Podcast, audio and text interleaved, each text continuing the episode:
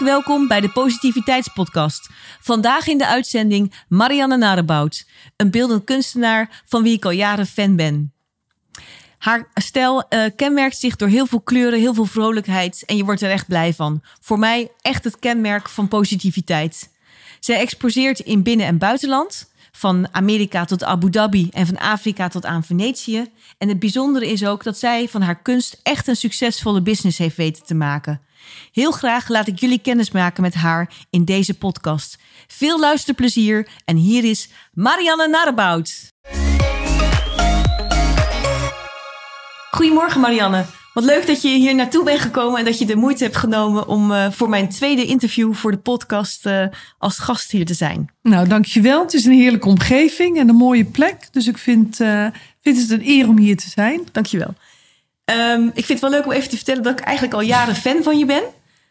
Um, ik ga even terug naar het verleden. Toen gingen wij trouwen, Vincent en ik. En toen hadden onze vrienden gezegd van nou, ga eens kijken of je iets leuks van een schilderij of iets kan vinden. En toen waren wij destijds in Breda op de Ginnekeweg. En toen kwamen wij op jouw atelier. We kenden jouw kunst en stijl niet. En wij waren eigenlijk allebei verkocht. En uh, toen hebben wij het mooie schilderij Make It Happen bij jou gekregen van al onze vrienden.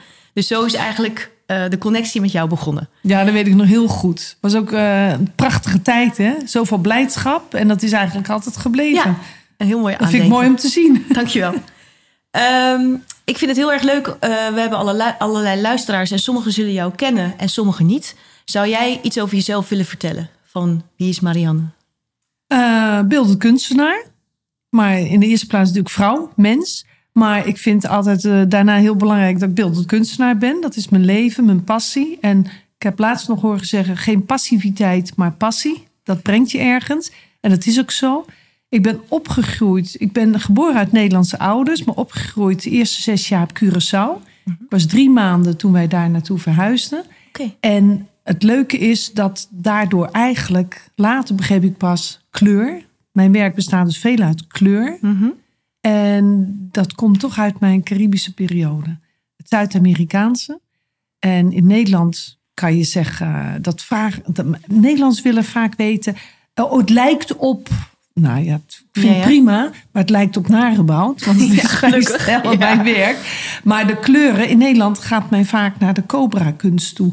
En dat komt door de kleur. Maar als ik in Zuid-Amerika eh, kijk naar de kleuren... en bijvoorbeeld op de Art Miami, waar, waar mijn werk gepresenteerd werd... dan komen er Zuid-Amerikanen Ja. naar mijn werk kijken... en die beginnen in het Spaans tegen mij te spreken. En dat valt op en dan hebben ze het over de Maya en de Inca's. En dat is eigenlijk wel het verhaal. De Indianen en de Maya en de Inca's. Oh, wat Dus leuk. Ja, wat Dat leuk. is mijn, mijn, en dat komt eigenlijk door mijn opvoeding. Die eerste zeven jaar, dan leer je het meest. Ik heb daar leren ja, kijken, praten, Mhm. lopen. Mhm. Eh, alles wat ik zag, dat was eh, gekleurd. Ja. Mensen op, op Curaçao zijn gek van kleuren. Ja, we, we hebben uit eh, Zuid-Amerika eh, Zuid-Amerika heel veel van eh, uit Bolivia van die gekleurde kleedjes. En dat was ook als je daar op de markt loopt, dan is het ook een en ja. al kleurrijk. Kleur, ja. ja. En eigenlijk heb je dat gehouden. En waar ik eigenlijk wel benieuwd naar ben, van, was je dan als kind, toen je daar die, in die eerste periode aan het opgroeien was, tussen veel kleur in het buitenland, was jij toen al met allerlei creatieve dingen bezig? Was je veel aan het knutselen? Of... Ja, in het zand vooral. Oké. Wij gingen elke dag als mijn zusje uit school kwam naar het strand. En dan wachten we tot mijn vader uit kantoor kwam op het strand. En daar leefden wij. En eh, we hadden natuurlijk een normaal huis en een tuin. En Ja. een, een- ja eigenlijk best wel een hele mooie plek. Mhm. Maar het water en het zand. En dat is ook eh, mijn, mijn hele thema Mhm. geworden later. Mhm. Maar toen was het voor mij onbewust. Maar het is een rode lijn in mijn leven. Dat ehm, op het strand, daar heb je natuurlijk verder geen kleur. Maar Mhm. eigenlijk is daar zoveel kleur. Maar ik was altijd aan het spelen in het zand. Maar vooral, eh, ja, je noemt het eigenlijk zandkastelen bouwen. Maar Ja, ik was met grote slangen bezig. En eh, dat bouwde ik uit het zand. En dat was eigenlijk al een eh, Een beginstadium. basis. Ja. En later is mijn thema geworden. En dan kom je toch weer terug naar die periode waar het voor mij allemaal begon. Mhm. Ehm, ik, ik, ik werk vanuit de vier ehm, e- elementen. ja. De Dus aarde, Ja. water, lucht en vuur. Nou ja, mijn kleur, Ja. dat is het vuur. Ja. Dat is een duidelijk element. Mhm. Maar je moet je voorstellen dat je met je voeten in het zand staat, een vloedlijn. Ja. En dan ben je dat aardemens, dat voel je. Want je Mhm. hebt de houvast van de grond onder je voeten. Ja. Maar dan kijk je gelijk over die waterpartij heen. En dan zie je de horizon en dan de lucht. Dus dan heb je echt aarde, water, lucht. En dat vind ik mijn circle of life. Dat, dat is daartoe begonnen en dat blijft altijd zo doorgaan. Ja, dat, is heel mooi. Ja. En, en dan zie je in mijn werk terug die, die maskerachtige mensen. Ja. Dus die met die Maya insteken en Ja. zo in de Aztec. Ja. Maar dan zie je ook de waterfiguren. Maar dat kunnen ook zeeanemonen zijn. Maar ook Ja. juist Vissen. veel vissen. Ja, vissen. Ja. En mijn sterrenbeeld is vis, weet je. Dus ik zoek altijd naar die houvast. En dan de vogels van luchtteken. En Ja. dan meer die kleur als vuur. ja, het vuur is echt kleur, hè? Van, Ja, eh, ja. En je hebt laatst gezien, ik heb heel eh, wisselend. Want het kan ook nu een periode van zwart-wit zijn. Ja, die... die eh, Dan vertel- laat ik de kleur weg uit mijn werk. En dan hou je die zwarte beleiding over met de witte achtergrond. Het kan ook een rode achtergrond zijn. Maar dat vind ik even weer heel sterk terug naar de basis. Ja, dat vroeg ik me af wat daar de gedachte bij was. Want die valt mij behoorlijk op in, in de hele kleursessie. ja. Eh, toen was ik eigenlijk benieuwd, heb je wel eens met zwart-wit gewerkt? Ja, want ik eh, heb hele mooie vazen en andere dingen gezien. En doe je dat dan om jezelf te triggeren? Of wat, wat, Ja, wat het is, zit geen, het is niet eens een gedachte. Het is een gevoel dat ik even terug wil naar ehm, back to the basics. Steeds weer, waar, beg- waar begint het en waar begon het ooit? En waar kan het weer beginnen? Hmm. En dus dan even de kleur loslaten. Mhm. De zwart-witte lijnen schilderen. En dat is ook heel intensief. Dat, maar als je naar mijn werk kijkt, mijn, mijn Mhm. laatste werk van het laatste jaar, dat is altijd zwart omlijnd. Ja, want daar begin je dus mee en je kleurt het als het ware in. Zeg ik Nee, dat goed precies andersom. Oh. Ik schilder, ik schilder en Ja? dan op het laatst ga ik zwart schilderen. De maar- lijn, de beleiding schilderen. Dus dat is een hele... Ja, het is best een moeilijk traject, omdat je zou zeggen... schilder eerst, maak een tekening Ja. op je schilderij of op je sculptuur... en ga dan de zwarte lijn eh, schilderen en dan de kleur erin zetten. Ja. Maar ik, ik ja, waarom, waarom makkelijk doen als het moeilijk kan? Ja, hè? eh, vooral even de uitdaging opzoeken zou ik zeggen. Dus, en daarom heb ik soms ook weer eh, die zwarte beleiding nodig. Want zo begin ik nooit. Dat is voor mij altijd het eindpunt. En als ik dan eventjes niet de kleur opzet, maar gelijk het eindpunt schilder... dan heb ik ook weer die houvast van... oh ja, zo ziet het eruit, Ja. zonder de kleur. Ja, en dan zeg je eigenlijk van ik doe er dan toch nog een stukje kleur in. Ja, soms net even een streepje, een puntje... Ja. want dan kan ik het niet laten. Ja, Mooi. Mag ik nog heel even eh, terug nog naar je jeugd? Van waar ik dan benieuwd naar ben. Van, eh, eh, iedereen is er wel ergens goed in, hè? Van, eh, dat, denk ik.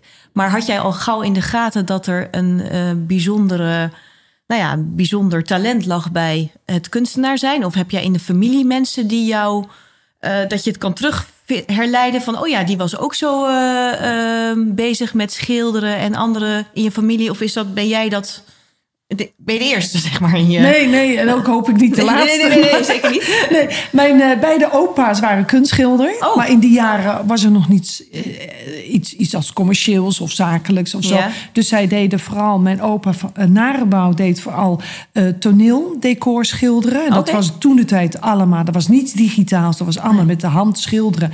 En als je de tekeningen van hem ziet, van de schetsen...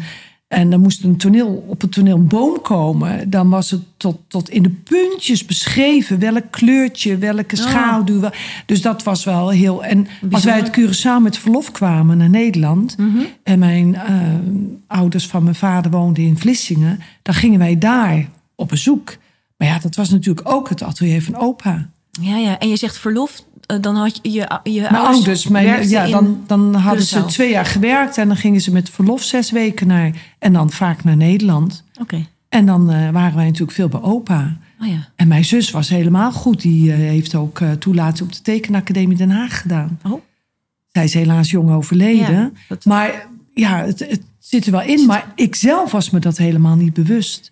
Want ik, ik wist niet beter dat ik in het onderwijs wilde gaan werken. Oké. En mijn ouders, toen ik dus zover was dat je een studiekeuze moet gaan bepalen. Toen zei ik, ja, ik wil graag toen de tijd de PA.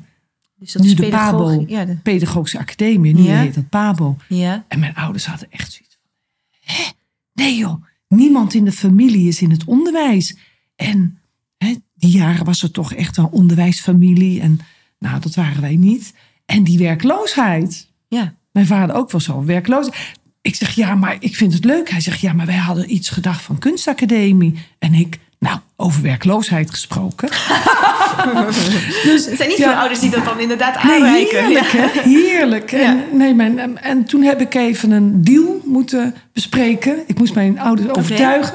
Waarom dan wel die, eh, die PA. En je hebt goed niet die onderhandeld, of niet? kunst- Nou ja, het ging natuurlijk ook een stukje om financiële dingen moeten betaald worden. En een, een PA is nou niet duur. Het onderwijs is goed geregeld in Nederland toen ook al. Maar, Mhm. maar toch. Ja. Maar het werd eh, met de belofte, het werd PA met de belofte ooit dan daarna toelating te doen voor de kunstacademie. En in mijn achterhoofd dacht ik, ja, sure. dat gaat wel. Ja hoor, doen we. Maar eigenlijk dacht ik, nou ja, tegen die tijd. Maar eigenlijk het einde jaar, het laatste jaar op de PA, hadden, was er een open dag. En mijn ouders kwamen ook. En eh afdelingen creativiteit, dus handvaardigheid en tekenen. En die leraar zei, ja, eigenlijk zou ze kunstacademie moeten Ja. doen.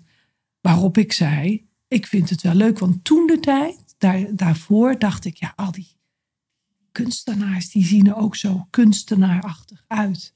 Oké. Niks negatiefs Vertel me eens daarover. ja. Maar ik, ik, Ja. nee, ik word eerder aangesproken van, eh, van anderen, hè, dat ik werkzaam ben in een ander beroep, Ja. dan dat ik kunstenaar ben. En dat vind ik prima.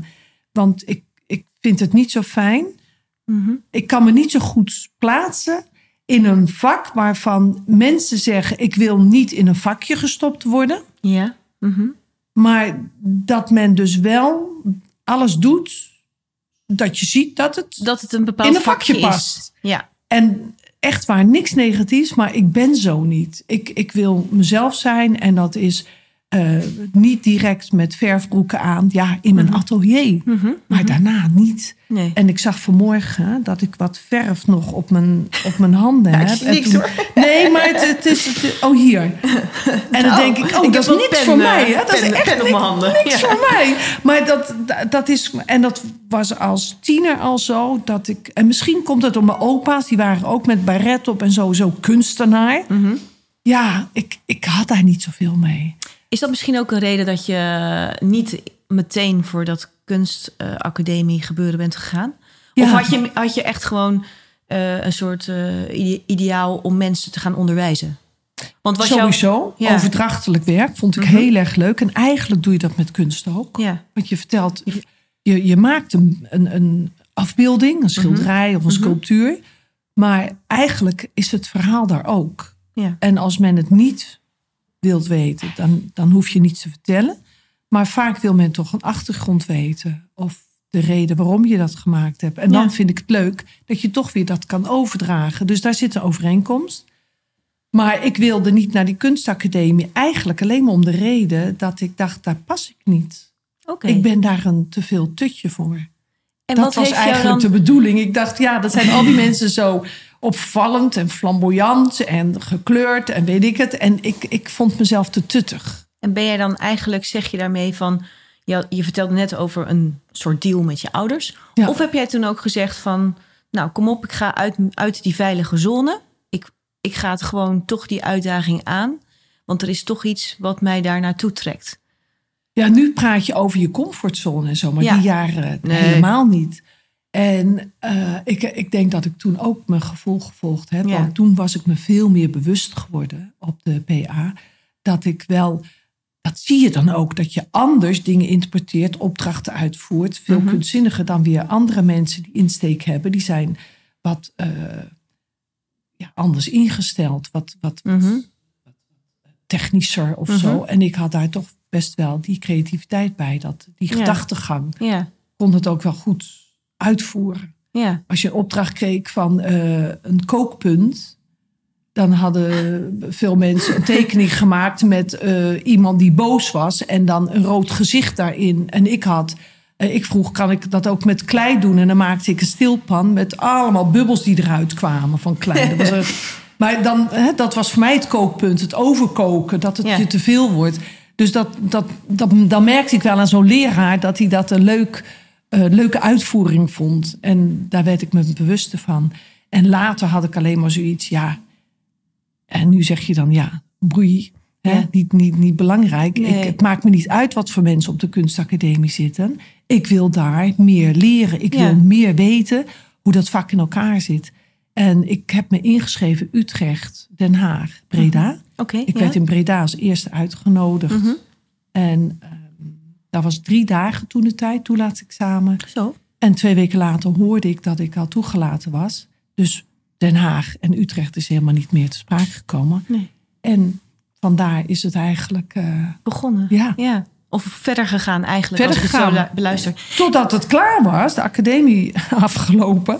En toen eh, zei mijn vader, toch wel makkelijk dat je ook een onderwijsdiploma hebt. Want ja, dat werken wordt wel een moeilijk verhaal.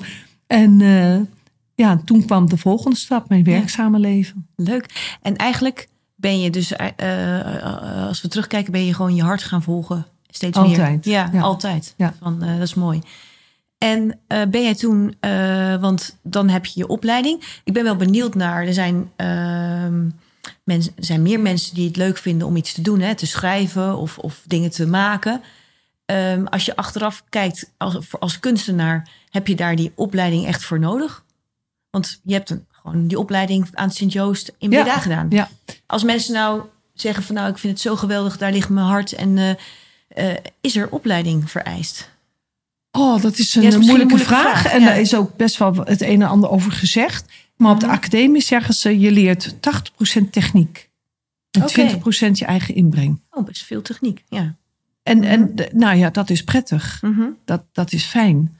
En ik denk ook dat het wel een, een, een leidraad is. Ja. En, en, maar ik heb daar natuurlijk ook de nodige discussies gehad over dingen die dan niet goed zijn. Ja. Dat vonden ze niet goed. En dan zei ik wel, ja, waarom dan niet? Mhm.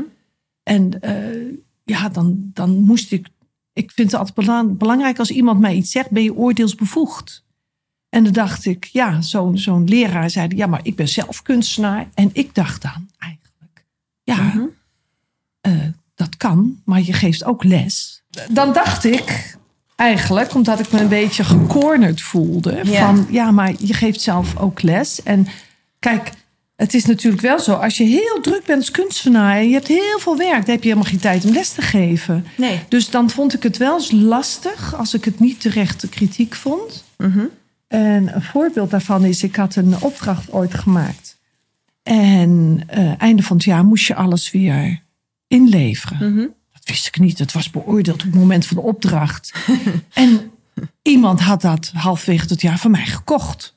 Oké. Ja, die was bij mij in mijn klein atelier als student. En die zei, ah, dat is mooi. Wat kost dat? En ik, ik maar wat verzonnen. En eh, nou, die zei, ik neem het gelijk mee. Mag dat? Ik zei, ja, te gek. Dus toen ik einde van dat jaar eh, werd mij gevraagd... en waar is dat werkstuk nummer twee bijvoorbeeld? Ja, ja. Ik zeg, ja, verkocht. nou ja, toen kreeg ik een nul. Zo. Dus niet eens een 1, hè, maar een 0. En ik dacht, het is al beoordeeld. En Ja. dan krijg je wel een soort kritieke houding zelf. Hè? Echt Ja. van, waar zijn we mee, bezig? Ja. Hoe fijn is het als je het studeert en je kunt al iets van je kunst verkopen. Ga dat nou toch niet beoordelen met een 0. Nee. En ik heb keihard moeten werken om die 0 weg te werken. Hè? Want ja, Ja, en, en je vertelt nu ook een stukje kritiek ook van, eh, ehm, nou ja, leraren. Maar eh, ik denk ook met kunst, de een vindt iets mooi of de ander vindt het niet mooi. Ehm, hoe, ga je, hoe ging je toen met die kritiek om? Van, eh, want ja, het kost je dan op dat moment je, je, je punt. ja. En je moet er heel hard weer voor knokken om überhaupt dan weer... eh, Ja, en je bent nog kwetsbaar, Ja. want je bent jong. Maar ehm, nee, kritiek is prima. En ik heb ook op exposities gestaan bij zo'n opening dat iemand zegt: Oh, dat kan mijn kind ook. En nu ben ik zover dat ik zeg: Breng hem alsjeblieft, want ik Ja. heb niets tegen kinderarbeid. Dat is een grapje natuurlijk. Laat maar komen, want ja, als jouw kind zo goed is, dan maar zien, eh, ja. ja, kom maar. en en, en eh, 30 jaar geleden zou je zeggen: Nou, waarom zeg je dat nou? ja, Hè, is het niet goed of eh, is het te makkelijk? Maar daar groei je overheen. En ja, nu vind ik het alleen maar leuk als mensen iets zeggen. Ik denk dat, dat op het moment dat je voor jezelf bewezen hebt dat het oké is, want ja. dan kom je op dat stukje van zakelijkheid. Ehm, het gaat mij niet om een verkoop. Maar als iemand zegt, en vele mensen zeggen, oh, te gek en leuk en mooi, prima. Ja. Maar als iemand zegt, ik wil het, ik, ik wil het gewoon hebben, wat kost zoiets? Ik, ik, ik, ja, het doet mij, het spreekt me aan, het brengt emotie. Mhm. Dan, dan is voor mij de zekerheid van, oh, het is echt iemand, ik kan iemand raken, ik kan iemand bereiken. Ja. En dan is natuurlijk het feit dat iemand zegt: Ik wil er ook voor betalen. Ja, dan kom je op het gebied van: eh, daar word je zeker van. Ja, Dan, is het fijn. En dat is een. een eh, Dat is ook een stukje bevestiging dan. Dat ja, je, dat is, ja. ja. ik zocht het woord, maar jij zegt het. Dat is Ja. de bevestiging. Dan, dan denk je: Oké, zie je wel. En als dat repeteert en, en vaker gebeurt, dan denk je: Hé, hey, Mhm. het, het spreekt zo waar andere Het mensen werkt. ook ja, aan. ja, ja, ja. En dan, eh, dan is het wel je gevoel blijven volgen. En ik heb zo vaak mensen eh, gehoord die vragen... Marianne, kan het ook iets minder kleur? En dan zei ik altijd, nee, het kan wel iets meer. En hetzelfde als iemand zegt, kan, kan het ook iets minder qua prijs? Zeg ik, nee, kan alleen maar meer. Ja. Hier Mooi. zijn geen discussies over. Mooi. Ehm, mag ik even nog met een stukje terug? Want eh, je bent niet. En, eh, ik wil straks ook nog wel even over dat stukje zakelijk hebben. Want ik vind dat heel bijzonder hoe je als kunstenaar dan ook nog je, je, je brood Kunt kan leven. verdienen. Dus daar ga, wil ik straks wel even naar terug. En je bent natuurlijk ook niet meteen daar waar je, waar je de afgelopen jaren al bent. Ben jij toen nog het onderwijs ingegaan? Of ben jij direct gaan eh, met, met eh, je kunst aan de gang gegaan na je opleiding? Grappig. Nee, eh, dingen soms komen ook op je pad. Ja. En het is alleen maar een kwestie van waar luister je naar. Mhm. En de opmerking van mijn vader, die zei: Goh, academie, nou, is gedaan. En nu eh, werken. En toen was er net zo'n beetje Randstad uitzendbureau. En hij zei heel grappig: Ja, daar kun je dus niet inschrijven. Want niemand zoekt een kunstenaar. en hij zei: Het is toch wel makkelijk dat onderwijs. Mhm. En eh, tegelijkertijd zei hij: Je houdt zo van reizen. Misschien een idee om op een internationale school te kijken of je daar iets kan betekenen. Mag ik iets vragen over het reizen? Want dat reizen is dan eh, eigenlijk ontstaan omdat eh, je, je, je vader dan een buitenlands eh, Betrekking op- had, ja. En daardoor zijn jullie met het gezin dan Ja. ook steeds naar eh, plekken gegaan. Ja. ja. En, en dat vond je leuk? Dus dat, dat je vader ook zei van nou je houdt van dat reizen. Ja, hij merkt aan mij dat ik dat heel leuk vind. Mijn broer is meer van, joh, ik vind het leuk. Toen zijn kinderen naar school gingen, Mhm. zei hij tegen mij... Leuk hè, ze gaan naar school. En de meester en de juf, die kende Ilona, zijn vrouw, ja. ook nog. Die heeft er ook op school gezeten. ik zei, ja, dat is iets wat wij helemaal niet kennen. ja. We hebben alleen maar Hello Goodbye gehad. Ja. Maar eh, voor hem was dat een eye-opener. Hij wist dat natuurlijk wel. Maar echt om dat mee te maken, die emotie te voelen, dat, eh, dat het zo vertrouwd kan zijn, is ook leuk. En ik had zoiets van, nou ja, oké. Ja. maar ik vind het juist leuk dat ik dat niet heb gehad. ja. Maar goed, ehm, daardoor komt wel het feit dat mijn vader had gezien dat ik reizen leuk vond. Niet Mhm. een vakantie van twee weken, maar weer lang weg en afscheid nemen en Mhm. eh, avontuur. Ik vond het prima, ja. prima. ja het heeft En toen hij iedereen. zei internationale betrekking of een internationale school. Nou ja, hij had er zelf al goed over nagedacht. Want eh, toen had je allerlei bedrijven Mhm. die eh, mensen in het buitenland hadden werken. En eh, ik heb inderdaad wat sollicitaties geschreven. Maar jij hebt met, bewust meteen eh, richting eh, buitenland geschreven toen. Ja, ja, Oh, ja, gaaf, ja, ja, ja, ja. ja. Ja, dat was eigenlijk. Heb ik daarover nagedacht? Nee, ik, ik, had dat, ik zag dat buitenland wel leuk. En inderdaad zijn en tot op de dag van vandaag heel veel mensen, Nederlandse gezinnen, maar ook gemengde gezinnen, Mhm. in het buitenland werkzaam, waar de kinderen naar een Nederlandse en Engelstalige school gaan. Ja. En dat is een hele leuke wereld. En dat heb ik toen, kreeg een betrekking en dat heb ik acht jaar gedaan. ja, leuk.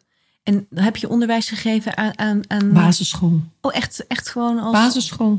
En dat was een eh, volledig pakket basisschool voor 23 uur in de week. Want ik wilde niet verloren gaan eh, en, en afstand nemen van mijn kunst. Mhm. En het werken daarmee. Dus 23 uur vond ik mooi. Daar had ik een werk en een Mhm. verblijfsvergunning in het buitenland. En voldoende tijd om... eh, ja, want Oh, als je gaat weer wennen aan het salaris... Ja, dan is het moeilijk om te halveren. Maar ik, ik heb van het begin af aan gezegd 23 uur in de week. ja. En eh, ja, En dan, dan ben je daarna, eh, daarnaast ben je gewoon echt aan was de gang gegaan met je. Ja. ja. En hoe is dan eh, op uiteindelijk die stap gekomen van, nou, zeg maar 100% kunstenaar? Nou, als je dan Van, in het buitenland bent, ga je ja. naar exposities. Oké. En, dan, en toen de tijd had je nog niet dat internet en het netwerken. Nee. Wij noemden dat bankhangen. Ja, want hoe maak je je zichtbaar? Wij waren aan bankhangen. Er was een expositie van een bevriende Ja. kunstenaar, lokaal ter plekke.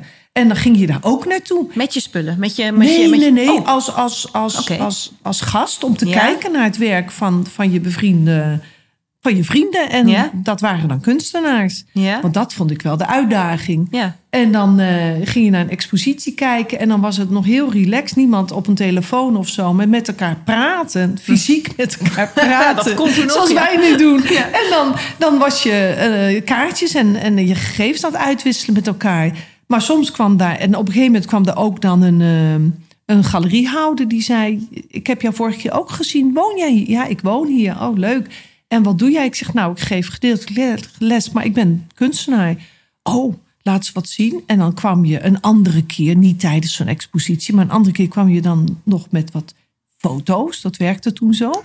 en dan zeiden ze: En dat werk staat hier. ja. Ja, dat staat hier. En de eerste keer was dat in Muscat, Oman. Mm. Oh, oh wat leuk, kunnen we een keer komen kijken? Ja, kom maar. En dan kwamen ze thuis kijken. En ik, ik had een mooi huis met een atelier eraan. Ah, en dan kwamen ze kijken en Ja. zeiden ze... ja, maar wij willen exposeren. Want normaal moeten wij van een buitenland... Buitenlands kunst het werk eerst invoeren. Dat is heel lastig. Met Je had allerlei het daar gewoon documenten. gemaakt en het was er ik dus. Zeg, nee, Ja. het is er. Het is made in Oman. Hè? Dus eh, expositie. En ja, dat echt nu 30 jaar, 35 jaar verder... heb ik daar nog steeds exposities. En is eigenlijk mijn... Later Ja. het zakelijke stukje komt eigenlijk... doordat ik nog steeds in het buitenland exposeer. ja, is heel bijzonder. Meer dan in Nederland. En eh, als we dan naar die kunst van toen kijken, van die jij daar in Oman in je eigen atelier had, is dat dan vergelijkbaar met wat we nu zien? Of was dat, heb je bijvoorbeeld ook wel eens iets heel anders gedaan, eh, realistisch geschilderd? Of, of ben jij toen al jouw kenmerkende stijl? Hè? Van, misschien is het nog wel leuk, je hebt net verteld van de elementen, de, de zwarte strepen. Als ik het voor mezelf omschrijf, dan eh, ja, het is heel expressief, het is heel vrolijk, het is heel kleurrijk. Maar ik heb ook heel vaak dat ik dan ergens naar kijk en dan zie ik iets en dan zie ik weer iets anders. En dan eh, het zijn hele bijzondere, fantasierijke vormen. Was dat toen ook al? Of, of had jij toen een ander soort beeldhouwwerken? Of, ja, of- 35 jaar geleden was het toch ook heel veel nog je weg zoeken. Ik Ja. was mijn weg nog aan het zoeken. Ja. En eh, het is wel leuk om werk van toen te zien. Want eh, dat was heel uiteenlopend. En het realistisch schilderen was eigenlijk tijdens de academie. Omdat je soms wat geld nodig had. Oh ja, dus, dus echt mensen Om te leven. En dan maakte je portretjes van kinderen en dergelijke. Oh ja. Maar ik noemde dat echt broodkunst. Ja. Ik moest daar, dan moest ik iets doen om van te leven. Ja. En dan deed je dat erbij. En naarmate het beter ging en ik zeker die baan kreeg in het buitenland als basisinkomen, Ja. kon ik veel sneller al alleen maar doen waar ik zin in had. Ja, en dat is een geweldig. belangrijke stap voor mij geweest. Dat ik zei, ja, nee, dit maak ik. En zelfs nu vraagt nog wel iemand, kun je dan een, eh, hè, van, van, van een persoon of zo iets schilderen? Ik zeg, ja, kan het wel, maar ik wil het helemaal niet. Nee, ik vind het ook een hele sterke, ja, ik noem het dan zelf een soort handtekening. Ja, Het is bij jou, ehm, ja, je haalt het uit duizenden. En er zijn wel meer kleurrijke dingen, maar je haalt het er heel makkelijk uit. Ik vind dat heel bijzonder. dus mijn Dus- eigen ja. handtekening is... eh, ja, ik dat- vind het een soort handtekening. Ja, Ehm, en eh, dan wil ik eigenlijk eens eventjes kijken van... Nou zijn er een hoop mensen die, eh, of kunstenaars die mooie dingen kunnen maken. En eh, ja, de een zegt ik zou van mijn hobby mijn, baan willen maken. Dat soort, dat soort teksten. Maar wat ik knap vind bij jou, dat je ook op een gegeven moment... je volledige ge- geld ermee hebt kunnen verdienen. Dat je het onderwijs hebt laten gaan. Mhm. En echt als kunstenaar, ja, ik vind het echt een mooie business hebt opgebouwd. Ehm, kan jij daar iets, ja, wat, wat, wat heeft aan dat succes of, of aan, aan dat zakelijke aspect, dat je dat gewoon zo hebt opgepakt? Wat heeft daar ten grondslag gelegen? In eerste je- plaats toch wel dat ik een baan in het onderwijs had. Ja, En heel bewust toen heb, heb gekozen voor 23 uurtjes onderwijs en de rest mijn kunst. ja. En dat is een gevoelsmatige stap geweest. Mhm, Eh, die mogelijkheid lag er ook. Dat Mhm. vonden ze goed. mhm. En ehm, ja, dan, dan voel je dat is mijn pad. Want zij, zij zeiden, oké, als als, als dat jouw keuze is, buitenland werken. Mhm. Voor ons op de internationale school, maar daarnaast ook. Dan passen we dat zo in, maar we willen je hebben. Mhm. Oké. En dat moet dan, dat is een soort. ehm, een, een soort symbool. Het is een symboliek van: oké, ik zit op de goede weg. Ja. En daarna is het eigenlijk toch wel geweest eh, dat ik mijn. eh, in het buitenland kon ik dus al vrij snel leven van het geld wat ik daar met kunst verdiende. Ja. En kon ik dat geld wat ik met onderwijs, met lesgeven verdiende, apart zetten. Dat werd ook in Nederland gestort. Daar kwam ik helemaal niet aan. Leuk, ja. En eh, dat deed het bedrijf zelf al. Dat werd in Nederland gestort. Prima. Dus daar kwam, ik zag dat geld ook nooit. En ik kon al vrij snel daar ook niet meer aankomen. Daar, daar hoefde ik niet meer aan te komen. Daar kon ik wel aankomen. Daar hoefde ik niet aan te komen. Dus dat gaf wel een heel goed inzicht van... hé, hey, dat gaat leuk. En ja, dan is het een beetje creatief denken. Op een gegeven moment zei iemand... eh, jij schildert ook, hè? Want eh, we hebben gehoord dat er een expositie was. Want daarna ben ik nog vijf jaar naar Damascus geweest. Ja. Na drie jaar Oman. Ja. En ehm, ja, dat, dat was een hele mooie tijd. Met heel veel ambassade, personeel, KLM en allerlei andere eh, Nederlandse, maar ook buitenlandse bedrijven. Mhm. Die ook ja, allemaal, niet allemaal, maar daar zijn ook veel mensen die Mhm. geïnter- geïnteresseerd zijn in kunst. En daar is niet zoveel aanbod. Wel lokaal, maar Mhm. van andere kunstenaars. Het was nog niet zoiets dat, eh, dat het New York was. Nee. En iedereen daar exposeerde en wilde exposeren of kon exposeren. Dus dan eh, hoorden ze dat. Ik zeg ja. En dan zeiden ze, kunnen we een keer bij jou thuis kijken? En ja, toen dacht ik, ja, maar ik wil eigenlijk werken. Ik heb al een onderwijsbaan. Ik wil, Ja. als ik niet werk op school, wil ik thuis werken. En toen zei ik, nou, ik organiseer een borrel. Oké, ja. En, eh, Gezellig, ja. En dat was leuk natuurlijk, maar dan kon ik, want er waren nog meer mensen die dat hadden gevraagd. Ja. Nou ja, dan had je op. Ja, en dan, hè, ik zeg al, een borrel in het buitenland. Een borrel in het Midden-Oosten. Dus Ja, iedereen is, eh, bijzonder. Dat is leuk. Ja, daar moeten we heen. Dus ja, dat, Dat, dat was niet zo dat je overal drank kon kopen. Dus Nee. eh, daar was wel animo voor. In het begin dacht ik, ja, dat is om de borrel. Maar goed, het bleek ook wel om mijn werk. En eh, als er dan zo'n borrel inging, dan was men ook wat makkelijker. Zei ze, als iemand er zei, ja, ik vind het mooi, dan zei ik, nou ja, daar hangt een prijs bij, hè? Ja, Ja, Ja, wat dus heb je te verliezen? nee. En dan eh, zei ze, nou, dat is goed, kom je dan brengen? Ik zeg, kom het wel brengen. Het was allemaal in Damascus of in Muscat, Ja. dus dat was leuk. En eh, ja, zo, zo kon ik leren hoe dat een beetje ging. En dan zei weer een, een vriend van, waarom heb jij geen visitekaartjes? Oh ja. En eh, oh, ja, ja, dat is misschien Dat is echt ja, learning on the ja, job. en, en dan ben je, ben je bezig en er werd niet zo'n hoge eis gesteld. En dat, dat was voor mij een speelveld waar, Ja. waar ik in die acht jaar heel veel geleerd heb. Ja, en veel leuke contacten waarschijnlijk opgedaan. En enorm leuk, maar Ja. ook goede contacten Ja. opgedaan. En toen kwam er een expositie in Amman, Jordanië. En er kwam een expositie in Dubai, eh, waar toen echt niemand van gehoord had. Geweldig, ja. Wij gingen vanuit Oman een weekendje Dubai. En dan zeiden we al hè, van ja, we hebben- willen wel wat kopen. Gewoon even winkelen. Ja. En dat kon dan in Dubai. Ja, ja. En 35 jaar geleden was dat echt nog niet wat het vandaag is. Nee, bijzonder. Echt een... mini-mini klein plaatsje. Ja. En eh, nu is het een toeristenlocatie. Maar eh, dat, dat is wel mij gegund. Dus nu zegt men nog wel, kom maar. Want jij was er toen ook al. Leuk. Ja. En dat is wel een soort van vertrouwen opbouwen. Ja. En een mooie, ja, de- inderdaad met, met leuke mensen om je heen. Ja. Een netwerk. En ehm, wat ik ook wel mooi hier aan vind is, je hebt het niet, je hebt niet eh, je schepen achter je verbrand en meteen gezegd, nou, ik verlaat het onderwijs. Je hebt het, je hebt het best wel mooi, eh, solide opgebouwd. Met, met een buffertje van eh, onderwijs. En dat je dan steeds meer Ja. richting je, je echte pad kon gaan. Dat is natuurlijk ook wel leuk. Ja, om te dan zien. merk je op een gegeven moment als Van- je dan een keuze maakt van nu ga ik terug naar Nederland. Dat je, omdat het te veel werd met het onderwijs erbij, Ja, te veel werk, dat ik dacht, ja, dan, dan moet ik een keuze maken. En toen was voor mij wel duidelijk hoe leuk het onderwijs ook is. Mhm. Dat de kunst was voor mij meer avontuur. ja, Dat bracht mij meer uitdaging. En dat heb ik toen gekozen. Maar dat is wel een moeilijke keuze, want alle zekerheden laat je los. ja, En dat zijn zekerheden die ook te maken hebben met dingen die, die je verplicht bent te leven. Zoals een, een, een, je moet zorgen dat je een ziektekostenverzekering hebt. ja, dan moet je wel dan zelf betalen. Je hebt geen arbeidsongeschiktheidsverzekering. je, je hebt niets meer. Je wordt een zelfstandige. ja. En dat is in de kunst tot op vandaag ik weet nooit wat er morgen gebeurt. Nee. Of, of ik wel eh, volgende maand een inkomen heb, ik weet het niet. Nee. Ik ben afhankelijk van opdrachtgevers. En dat is niet een repetitief zoals ik, als ik brood zou verkopen, weet ik dat mensen altijd een boterham nodig hebben. Ja. Of een, een pakje fruit of melk of iets. Maar Mhm. met kunst. Mhm. Nee, wat me daar ook eh, moeilijk in lijkt, is ehm, je wil dus nou ja, zorgen dat je, je je brood kan verdienen. En aan de andere kant heb je een heel eh, creatief, vrij proces wat jij nodig hebt om te komen tot je mooie dingen, kan ik me zo voorstellen.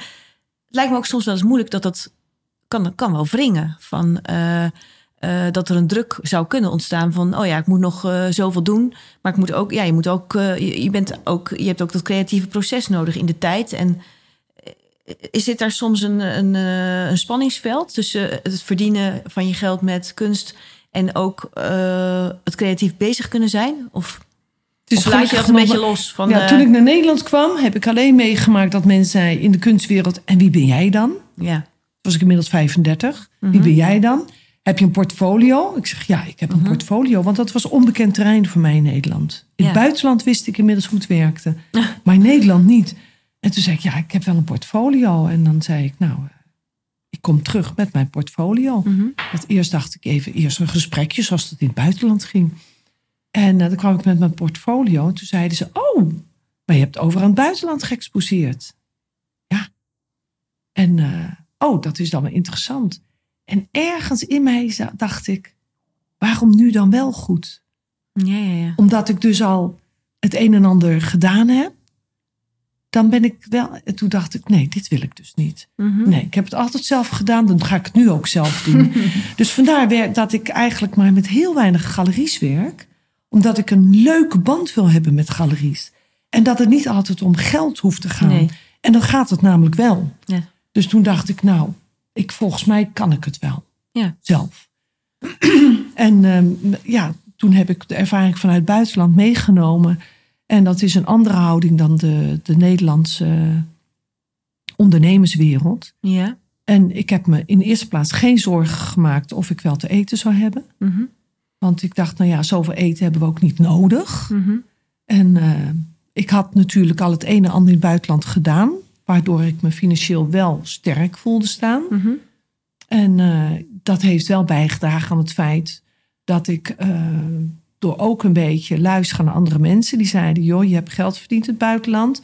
Zorg nou dat je geen woonkosten hebt. Mhm. Dat is je eerste verdienste. Als je dan geen omzet maakt of niemand wil iets van je kopen, dan heb je daar geen zorgen over. Mhm. En dat zijn kleine dingen waarvan ik dacht: oh ja, daar had ik niet direct aan gedacht. Maar ik Mhm. ga eerst zorgen dat waar ik woon en werk, dat ik dat betaald heb. Dat Ja. dat Dat gezetteld is. Ja. En dan ga je op een bepaalde manier denken, die later misschien bestempeld kan worden als zakelijk. Ja. Maar het is een stukje veiligheid Ja, is opzoeken veiligheid, geweest. In de wereld ja. van de kunsten is het zoeken naar veiligheid. Dat ik in ieder geval door kon gaan met wat ik echt wil doen. Ja, dat is mooi. Ja, Ja. dat is mooi. Ja. Dat je gewoon voor jezelf wist van ik kan, ik kan dit doen, Ja. want, want er is een stukje veiligheid. Top. En dan kun je denken, ja, ik wil eigenlijk ook wel atelier in New York hebben. Ja, nou ja, dat zou wel kunnen. Eh, Mhm. nee, dat kun je wel denken. Je kan dat wel denken, maar dat kan niet. Want dat is niet te doen. Nee. Dat is te kostbaar, noem maar op. Dus je weet ook waar je grenzen liggen. Ja. En dan zoek ik ook een stuk veiligheid op... om zeker te zijn dat ik mijn creativiteit de eerste plaats geef. ja, dat is mooi. En niet de omzet. Ja, dat is heel mooi. Ja. En eh, Marianne, van, ehm, je hebt heel veel in het buitenland gereisd. Je doet dat nog steeds volgens mij. Voel jij Nederland echt als je thuisbasis? Of zeg je van ehm, ja, die andere culturen en de andere plekken waar je ook bent? Hoe- ja, ik, ik ben heel benieuwd van. eh, Oh, dat is heel leuk, want eh, dan kom je terug tot het feit. Ik, ik, ik, ik kan zeer creatief. Ik, mijn, mijn, mijn werk versta ik. En mijn hoofd zit nog vol met avonturen in de kunst. Wat ik allemaal zou willen uitbeelden en zo. ja. Maar mijn talenkennis, ik heb absoluut geen talenknobbel. Oh, Dus mijn Engels gaat prima. ja. En dan een heel klein beetje van alles wat. Maar Mhm. niet om echt een goed gesprek, dus een sociale contact te maken. Mhm. En dat is jammer. Gelukkig is, is, is Engels heel wereldwijd een fijne taal. Ja. Maar daardoor heb ik wel het gevoel dat ik thuis ben in Nederland. Oké. Omdat ik die taal goed versta. Mhm. En dat maakt je dan toch dat je steeds weer weet, ja, maar ik kom uit Nederland. Ja. En ik spreek lekker makkelijk Engels. Ja. Maar men zal altijd zeggen, eh you're German or Dutch. Ja, want dat accentje blijft altijd. Ja. Dus dan heb ik wel gemerkt door de jaren heen dat Nederland toch wel mijn thuisland is. Ja, en, en is het ook je thuisland voor ehm, eh, het maken van je werken? Want je hebt volgens mij nog ook op andere plekken ateliers, hè? Waar je, waar je zelf werkt. ja, ja. In Italië en Ja. in Tanzania. Ja. Dus ik, ik reis een beetje rond. Ja. Alhoewel ik nu vaak voor opdrachten naar andere plekken ga. Eind van de maand ga ik naar Miami. En Ga je daar echt werken? Ga je Ja. daar creëren, bedoel ja, ik? En, eerst dan, een weekje vakantie. ja? En dan eh, ben ik nog een week aan het werk. en hoe moet ik dat voor me zien? Neem je dan verf mee? Of Nee, nee, nee. Er dat? staat al werk. Het is allemaal verstuurd. Dat wordt allemaal geregeld de expositie. En dan heb ik ook nog afspraken. En dat gaat om opdrachten. En die worden dan in Nederland gemaakt. En dat gaat allemaal met luchtvervoer meestal. Meestal KLM. Eh, heel betrouwbaar. Eh dat wordt thuis opgehaald. Het wordt in mijn atelier opgehaald. Oh, Holland Packing, perfect bedrijf in Breda. Die, die verstuurt. Is net weer een zending naar Brazilië verstuurd. oh joh. Die, die, ja, daar gaat het naartoe. Of ze komen het halen. en dan wordt helemaal verpakt. Want je hebt allerlei eisen die een land stelt. Ja, ja, ja. Met, met wat voor soort hout. En dat moet, Ja, het moet dus allemaal kloppen. dat weten zij. En ik heb ook wel geleerd dat je werk over moet laten mensen die er verstand van hebben. Dus, als het om, dus dat, zo, ja, zo, zo werkt het. Dan, Ja. eh, dan ben ik in Miami en dan, eh, dan wordt het verder weer in Nederland helemaal uitgewerkt. En dan gaat het verpakt worden, Bijzonder. bestuurd. Ja. Ja. En ehm, heb jij het reizen, dat heb je van uh, kinds af aan dan. Is dat reizen ook voor jou een inspiratiebron om, om uh, nou ja, uh, je, je maakt hele mooie werken. Hou je inspiratie uit jezelf terugtrekken? Of hou je dat juist uit, nou ja, er zijn kunstenaars die drinken een fles wijn leeg. Of, uh, maar is dat voor jou dat reizen ook een component waarvan je zegt, daar haal ik uh, vanuit je culturen um, inspiratie uit? Of is het meer het zijn in die landen wat je gewoon prettig vindt? Het is het onderweg zijn. Oké. Okay. En ik hoef niet per se, je kunt me opsluiten in een kamertje en dan alles leeft in mijn hoofd. Dus okay. ik heb nog schetsboeken liggen van twintig jaar geleden waar ik nog niet aan toegekomen ben. Oh, joh. Ja? En omdat er weer een ander ideetje naar boven komt waar ik dan eerst aan ga werken. Maar nee, dat is niet per se. Om eerlijk te zijn, uh, ik had heel graag zes kinderen willen hebben. Mm -hmm. Dus je moet nooit te veel willen, mm -hmm. want dat is helemaal niet uh, zo gelopen. Mm -hmm. En toen dacht ik, oké, okay, als dat dus niet werkt en ik krijg geen kinderen, dan wil ik Mhm. iets heel anders doen, zodat Ja. ik ook kan laten Mhm. zien dat het voor mij geen gezinsleven is. En nu zeggen mensen wel eens, ja, ik snap wel dat jij geen kinderen hebt wat met zo'n leven. Ja. En dan denk ik, ja, nou ja, ik had alles graag opgegeven om wel Mhm. eh, op één plek te zijn en niet te reizen. Ja. Maar ik heb me willen onderscheiden. Zo om niet zielig te zijn Nee, of niet het. altijd de vraag te krijgen en noem maar op. Dus toen besloot ik, ik blijf reizen. Als het dan zo is, dan, ja, maar je hebt ook blijf wel ik iets heel moois uitgehaald, wat, wat een Ja. ander bijvoorbeeld niet zou kunnen. Daarom, ik heb, Van, ik heb, eh, ik wat heb niet zo leuk is, heb je dan toch ja, omgekeerd van tot iets negatiefs, heel negatiefs, heb ik gedacht, nou ja, wat ga ik hiermee doen? Ik wil niet op die manier leven. Ik wil ook blij zijn en bijvoorbeeld eh, blijven reizen, maar ook met goede doelen. Mhm. Ja. Dat ik op een gegeven moment zoveel vragen kreeg dat ik ook zei. Ik moet keuzes maken. Je kan niet aan elk goed doel meewerken, hoe graag je dat ook zou willen. Mhm. En toen heb ik op een gegeven moment gezegd: Oké, als ik had graag kinderen willen hebben. Als het niet met kinderen kan, dan doe ik graag iets voor kinderen. Dus dat is Kika en noem maar op. Er zijn er heel veel doelen die echt gericht zijn op kinderen. Daar wil ik dan wel aan, meedra aan meedragen, meewerken. Mooi. Dus ja, op die manier is dat reizen nou niet zo dat ik niet kan leven zonder reizen. Absoluut Nee. niet. Maar het heeft het wel heeft een een andere betekenis. overleving Ja. gehad voor mij. Ja, ja, mooi gezegd.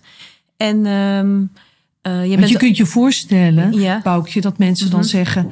eh, ja, die mij goed kenden, die zeiden dan... oh ja, jammer hè, geen kinderen. Maar ja, dan kun je wel dit doen. Anders had je dit niet gekund, wat jij zelf ook net Mhm, al, mhm. al voelde. ja. En dat is wel een, een, een fijn iets geweest. Dat ik gelukkig...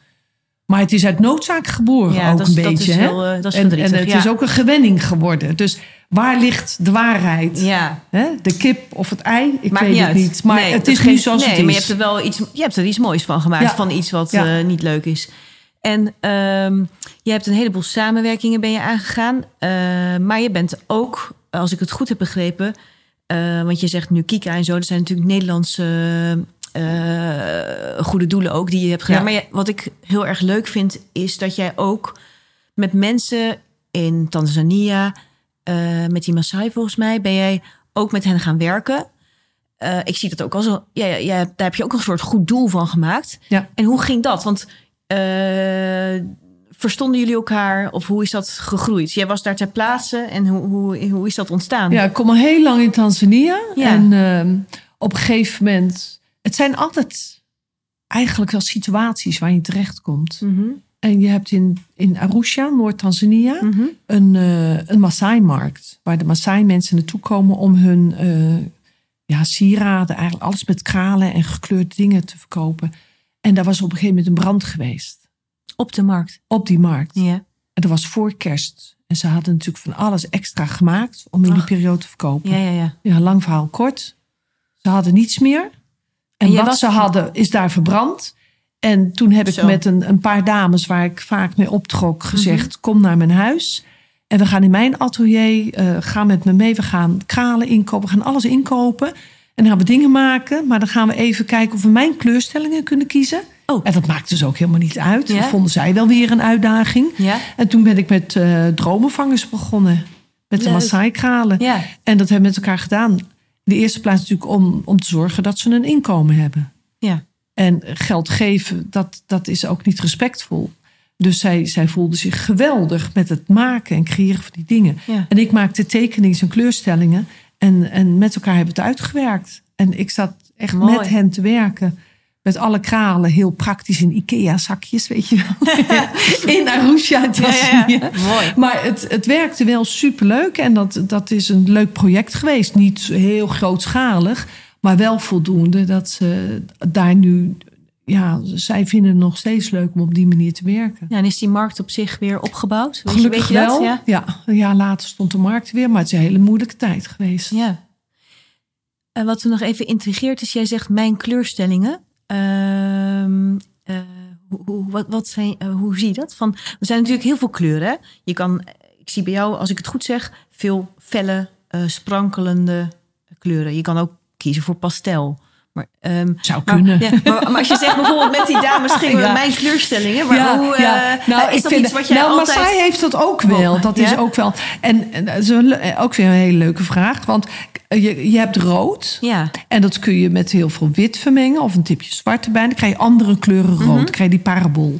Maar voor mij gaat het dan echt om de puurste pigmenten. ja dat en is dat is een waarde. eh, en dan moet je niet in, in bedragen denken of zo, maar in gewicht.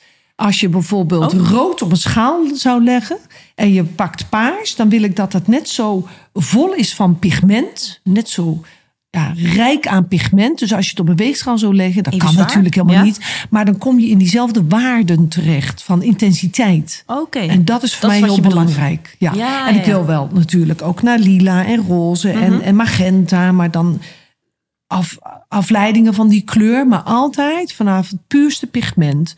En dan, dan kom je ook bij mijn kleurstellingen. Als je dan rood of paars of groen tegen elkaar aanzet. In die volle waardes van Ja. kleur. Mhm. Dan krijg je daar een heel sprankelijk geheel van. Als daar dan stukjes, kleine stukjes geeft niet, maar grote vlakken van pasteltint tussen zet. Dan krijg je voor mij een gevoel van uit balans zijn. Oh, dan, grappig, dan, ja? dan ben ik niet in balans. En dat zou wel een heel werk kunnen zijn in, in pasteltinten. Ja, Maar dat boeit mij niet zo. Dat zou eenmalig zijn. En dan, dat vind ik heel erg grappig. Je zegt, dat boeit mij niet zo. Waarom Ja. boeit dat jou niet zo? ja, dan is het toch de bekendheid, waarschijnlijk vanuit de jeugd, met die kleuren die Ja, aanwezig ja. mogen zijn. Ik hou van tinten die aanwezig zijn. En ik merk ook mensen die mijn werk mooi vinden, die, die kijken naar en dan kijk ik weer naar die mensen en dan denk ik, het staat ook wel weer een krachtig persoon. Die durven dat. Je moet het ook Je moet durven. dus durven, ja. Je moet het ook niet. Kijk, het maken, dat is mij vertrouwd. Mhm. En de uitdaging ligt altijd weer in de vormen. En, en Mhm. ik voorzie alles van kleur. Dus dat is ook weer een uitdaging. Of het nou een muur is, of een bank, of een, een huis. Ja, Of, of je eigen maakt kleding, Niet uit, ja. Maakt niet uit. Dat ik voorzie graag de wereld van kleur. Ja, En eh, er zijn mensen die heel voorzichtig zijn, vind ik dan, hè? Mhm, mhm. met de kleurstellingen in hun omgeving, in hun omgeving van waar ze leven en werken, maar ook waarschijnlijk in hun hoofd. En dat geeft niet, dat is prima. Mhm. Want dat maakt de, de wereld zo, zo uitdagend, zo verscheidenheid aan mensen. Maar de mensen die, die kleur kiezen, die hebben ook altijd wel zo'n statement van ja. Ik zie ook altijd wel dat die mensen dan lekker binnenkomen. Hè? Die, die durven, die staan daar gelijk binnen en die hebben wel verhaal. En ja, die zijn ook meestal niet eh, heel erg verlegen. Of, ja, ik weet niet wat het is. Het, het, het, het heeft wel met lef te maken. Ja. Want als jij natuurlijk jouw huis, als je binnenkomt en eh, jouw mooie kantoor en mooie rode stoelen, ja, ze staan er wel, hè? ja. Nou, ik hou er persoonlijk het ook had van. ook eh, crème kunnen zijn. En dat is allemaal prima, want ik oordeel daar niet Nee, nee, nee, over. nee. Maar voor mij is het eh, wel fijn als ik binnenkom en ik zo, wauw. Hè? ik voel me dan thuis, dus dat is een beetje mijn kleurstelling. Dat mooi. ik me thuis voel. Ja, leuk. Leuk om te horen. Ehm, even kijken, volgens mij hebben we al. Ik heb, ik heb al een heleboel eh, leuke dingen gehoord die ik nog niet wist. Dus dat vind ik heel bijzonder. Ehm, we zitten in het eh, nieuwe jaar. Hè? We zitten in 2020. Je hebt al een heleboel leuke dingen mogen doen. Eh, je vertelde net ook van: ik wil ehm, kleur brengen in het leven van anderen. Wat mij opvalt is bij jouw schilderijen vind ik dat je altijd hele mooie titels hebt met een, ja, ik noem het een positieve vibe. Als ik het dan heb over enjoy, enjoy, ja, dan word je gewoon al van het, eh, van verhaal, van die titel word je blij. En van, eh, ja, wat hebben we nog meer? Van eh, inspire. eh, ja, het zijn altijd een beetje een opbeurende ja, titels. Is dat, is dat onderdeel van jouw hele, ehm, als je iets gaat bedenken, hoort dan die titel en het verhaal, is het één voor jou of is het, een, is het maken van de kunst en daarna een titel? De titel komt wel terwijl ik ermee bezig ben. Oké. En dat kan het gevoel zijn, of de situatie, of de plek waar ik ben. Mhm. En eh, dat, ze, een- dat mijn werk een titel krijgt, dat is simpelweg ehm, ook weer te maken met hoe ik in het leven sta. Het, kijk, mijn kunst zijn dus wel mijn kinderen geworden. Ja. Dat is de invulling Mooi. van mijn leven geworden. ja. En als ik dan zonder titel, hè, Z.T. zonder titel, Ja, dat, dat zou voor mij te. Ja. Is weer prima voor anderen, maar voor mij persoonlijk zeg ik nee. Het moet wel een naam hebben. En terwijl ik werk aan een werk, Mhm. komt daar ook een titel bij. En dat gaat dan leven terwijl ik ermee bezig ben. Maar het Ja. heeft altijd een titel. Ja, en eh, aan de ene kant vertel je over een heleboel ideeën die je nog hebt in oude schetsboeken en dat soort dingen. En ik heb ook wel eens gelezen dat je hebt gezegd: het is het logboek van mijn leven. Ja, Ehm, bedoel jij daarmee van het is een soort dagboek en ik neem dan mee wat ik de afgelopen periode en dat doe ik dan in een kunstwerk? Of eh, dat is dan weer de situatie. dat is de situatie? Ja, ja. dat is dan echt de situatie. Ja, en wat mooi gezegd. Als, als je naar titels teruggaat van 20 jaar geleden, 30 jaar geleden, dan zie je ook de periodes. Kan ik het zo terugvertellen? En dan is het echt een logboek. Dan zeg je, oh ja, dat was toen, toen, toen. Ja. En, en dat, dat kan je echt terugvinden in mijn titels. Leuk, ja. Ja. Is er iets wat jij nog heel graag op jouw vakgebied zou willen bereiken? Is er nog een hoger doel? eh, dat je zegt van nou, de komende tijd ga ik me daarin... Je hebt eh, bijzondere dingen gehad hè, met, met al die honden, exposities. eh, allemaal hele leuke... Is er nog iets voor jou wat je, nou ja, wat je, wat je als een soort hoger doel... wat je heel graag zou willen? Ja, maar dan moet je altijd mee oppassen. Want op het moment dat je je doelen gaat stellen, kan je voorbij gaan aan signalen die op je pad komen, waar Heel je dan geen gezegd. tijd aan geeft. Dus dat heb ik niet te erg. Maar eh, ik heb bijvoorbeeld eh, museale tentoonstellingen. En Ja. Dat vind ik heel erg leuk. De laatste jaren al. Dat vind ik heel erg leuk. Mhm. Maar ik heb bijvoorbeeld ook eh, werk voor de openbare ruimte gemaakt. Oh, En een voorbeeld daarvan is een aanvraag voor het eh, gemeentehuis in Zaans, eh, de gemeente Zaanstad. ja? Waar, alle, hè, waar Zaandam, Oostzaan, Ja, ja, alles onder valt. Mhm. En dat is een heel mooi gemeentehuis. En er komt zo'n opdracht binnen. En dat is dan eh, het atrium naar de trouwzaal toe. En dan denk ik, ja, dat stond niet op mijn lijstje. Want ik wist Nee. nog niet dat dat zou komen. En dat vind ik het leuke met niet te veel doelen Ja. stellen. Maar dan komt dat. En dan krijg je wel besef van, oeh, dat zijn wel hele leuke. Want dat zijn ruimtes waar heel veel mensen komen.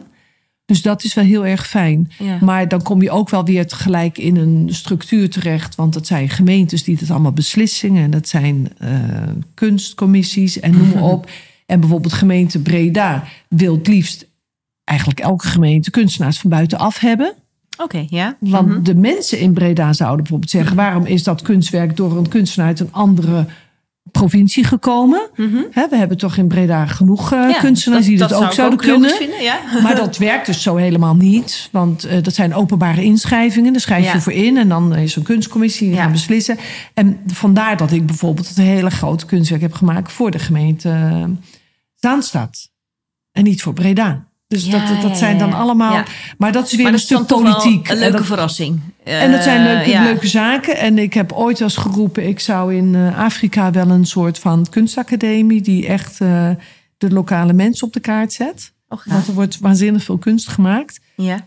Maar ja, dan, dat zijn leuke, leuke ideeën. En, maar ja, dat, dat is voor mij onmogelijk om, om waar te maken. Want dan zou ik zelf niet meer kunnen werken. Want Ja. dat, dat heeft heel veel tijd wat het in beslag neemt. Maar eh, ja, voor, voor de rest eh, heb ik nog bepaalde doelstellingen. Nee, vooral luisteren naar de signalen die op mijn pad komen. ja, maar die vind ik mooi. Eh, Ja. ja dat, dat werkt bij mij zelf ook altijd goed. Want er komen er hele leuke dingen die je nog niet, die je niet zelf had bedacht. Ja, dat, dat is heel inspirerend. Ja, dat is heel erg leuk. Ehm, ik vind het leuk om je nog eigenlijk een soort laatste vraag te stellen. Tenzij je zegt, ik wil zelf nog iets kwijt. Nou, over die museale tentoonstelling misschien wel leuk om Ja. te weten dat eh, nu op dit moment in het museum, Ja, eh, die ook net hun museumstatus hebben gekregen. Dus daar kun je gratis naar binnen Mhm. met museumkaart. En eh, daar hangt het werk wat ik heb gemaakt, speciaal heb gemaakt voor de Biennale van Venetië Ja. in 2019. En dat hangt nu tot eind maart in ehm museum in Amersfoort. En dat komt vanaf half april dan te hangen in mijn atelier. Omdat ik ja, het leuk vind om het tentoon te, te stellen in Ja. mijn eigen omgeving. Tezamen met mijn nieuwe collectie. En dat is de Gouden Collectie, de Gold Oh. Collection. Wauw, en dan ja. hebben, we- hebben we het over een hele andere kleur. ja. Maar het werk wat ik in, in Vene voor Venetië heb gemaakt, dat heette ook, eh, dat was onderdeel van de groep AU. En AU staat voor aurum in het Latijn voor goud. ja. Dus dat is ook weer een heel leuk verhaal. En daardoor ben ik weer geïnspireerd, want er moest goud in mijn werk Dus verwerkt al die worden. kunstenaars moesten een gouden... Ja, vier kunstenaars, Ja? inclusief mijzelf. En er moest goud in verwerkt zijn. En toen ik het hoorde, zei ik, ja, nee, echt niet hoor. Had je alles kom gedaan op, of niet? Nee, Nee, niet- nee, nee. goud, kom op. Maar dan heb je het weer, het signaal. Ja. Het is niet niks om naar Venetië te gaan. Prachtig, ja. Daar door een curator voor gevraagd te worden. Mhm. En dan wel te verstaan dat de curator de samensteller is. En niet de faillissement-curator, maar een kunstcurator die Ja, ja. dat samenstelt. Dan word je gekozen uit al die kunstenaars in Nederland. Dus dat is wel bijzonder. En toen dacht ik, niet gelijk nee roepen. Laat het even binnenkomen. Nou ja, en toen, toen, toen dacht ik eerst, nou, dan doe ik een tipje goud in. En dat is heel veel goud geworden. Ja. En daardoor ben ik ook geïnspireerd om andere gouden objecten te maken. Ah, leuk. En die Ja. worden dan vanaf half april in Breda tentoongesteld in mijn atelier voordat ze weer op reis gaan. En dat wordt dan de Golden Collection. Mooi. En dit, on- dit eh, voorbeeld laat ook zien dat je dus de kansen op je weg laat komen. En dat je dan dus uit een onverwachte hoek iets krijgt. Wat vervolgens weer een heel leuk vervolg kan hebben. Wat je Zo dus ook zelf niet hebt verwacht. Ik had echt niet kunnen Nee. verzinnen dat ik iets met goud zou maken. nou, wie weet. En nu Ja. is het echt een collectie geworden. Dus dat is, is nog niet tentoongesteld. Nee. Maar vanaf half april 2020. Ja. Dus Ehm, en even nog voor andere geïnteresseerden. Je hebt in Breda heb jij een eh, atelier. En dat is eh, soms open. En dat kunnen mensen op de website van jou bekijken. hè? Het is eh, op aanvraag open, omdat ik daar echt moet werken. Ja. Maar af en toe heb ik dan open dagen. Ja. Omdat de mensen die mij vragen, kan ik langskomen? Dat kan, maar niet terwijl ik aan het werk ben. Maar ze kunnen dan wel op de open dagen komen. Dat kun je op Facebook, Instagram volgen. Ja. Of inschrijven op de nieuwsbrief. Ja? En dan eh, kun je dat natuurlijk op mijn website vinden. Narebout.nl, Ja, makkelijk genoeg. naderbouw.nl. Ja. NL, niet .com, NL, omdat Ja. er toch dat Nederlandse Ja, dan we weer is. de thuisbasis van jou. Dat, Ja. dat is dan een wereldwijd medium, Ja. maar wel laten zien dat het Nederlands is. ja.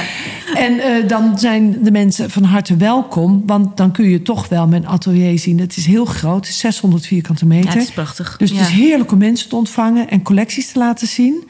En iedereen is echt van harte welkom. En op die dagen eh, wordt er dan ook lekker koffie en wijn en dergelijke geschonken. Maar het is dan ook wel het, het, het plekje waar gewerkt wordt. Dus je kunt dan echt de rommel ook zien. Een Ja. stuk staat tentoongesteld, maar er is ook nog wel te zien hoe ik werk en wat ik doe. Mooi. En als je nou, eh, als je nou gevraagd zou worden van eh, Marianne, zou jij voor de wand een eh, mooie tegeltje willen maken met een bepaalde wijsheid die jou op het lijf geschreven is? zou je daar een idee bij hebben wat je dan op zo'n tegeltje zou willen zetten? Ja, geweldig vind ik altijd, omdat bij mij altijd vraagt, ja, die kleur, die kleur. En dan zeg ik, ja, een regenboog ziet er ook niet zo mooi uit in zwart-wit. Ja, mooi. Dankjewel. Die is, Ja, eh, graag die genoeg. heel leuk, heel erg leuk dat je dit hebt willen doen. Eh, voor de luisteraars thuis, ehm, ik zal in de outro nog wat meer gegevens geven. We hebben misschien ook nog een hele leuke winactie waar we het over gaan hebben.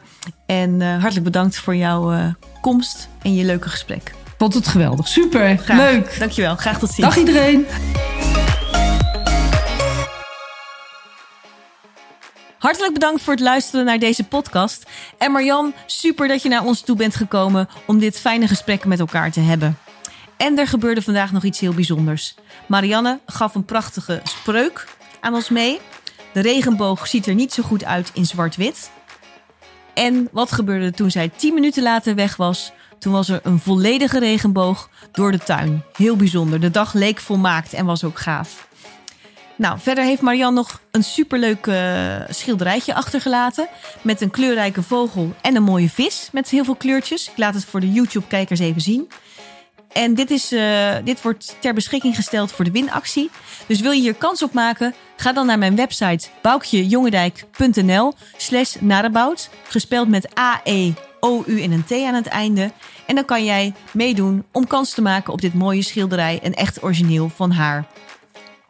Zoals gezegd heeft Marianne ook een hoop eh, exposities en open dagen. En heeft zij andere leuke informatie op haar website. Vind je het leuk om hier een kijkje op te nemen? Ga dan naar nadebout.nl voor meer informatie. Hartelijk bedankt. Tot over twee weken, want dan staat er weer een mooie podcast voor jullie klaar. Tot ziens!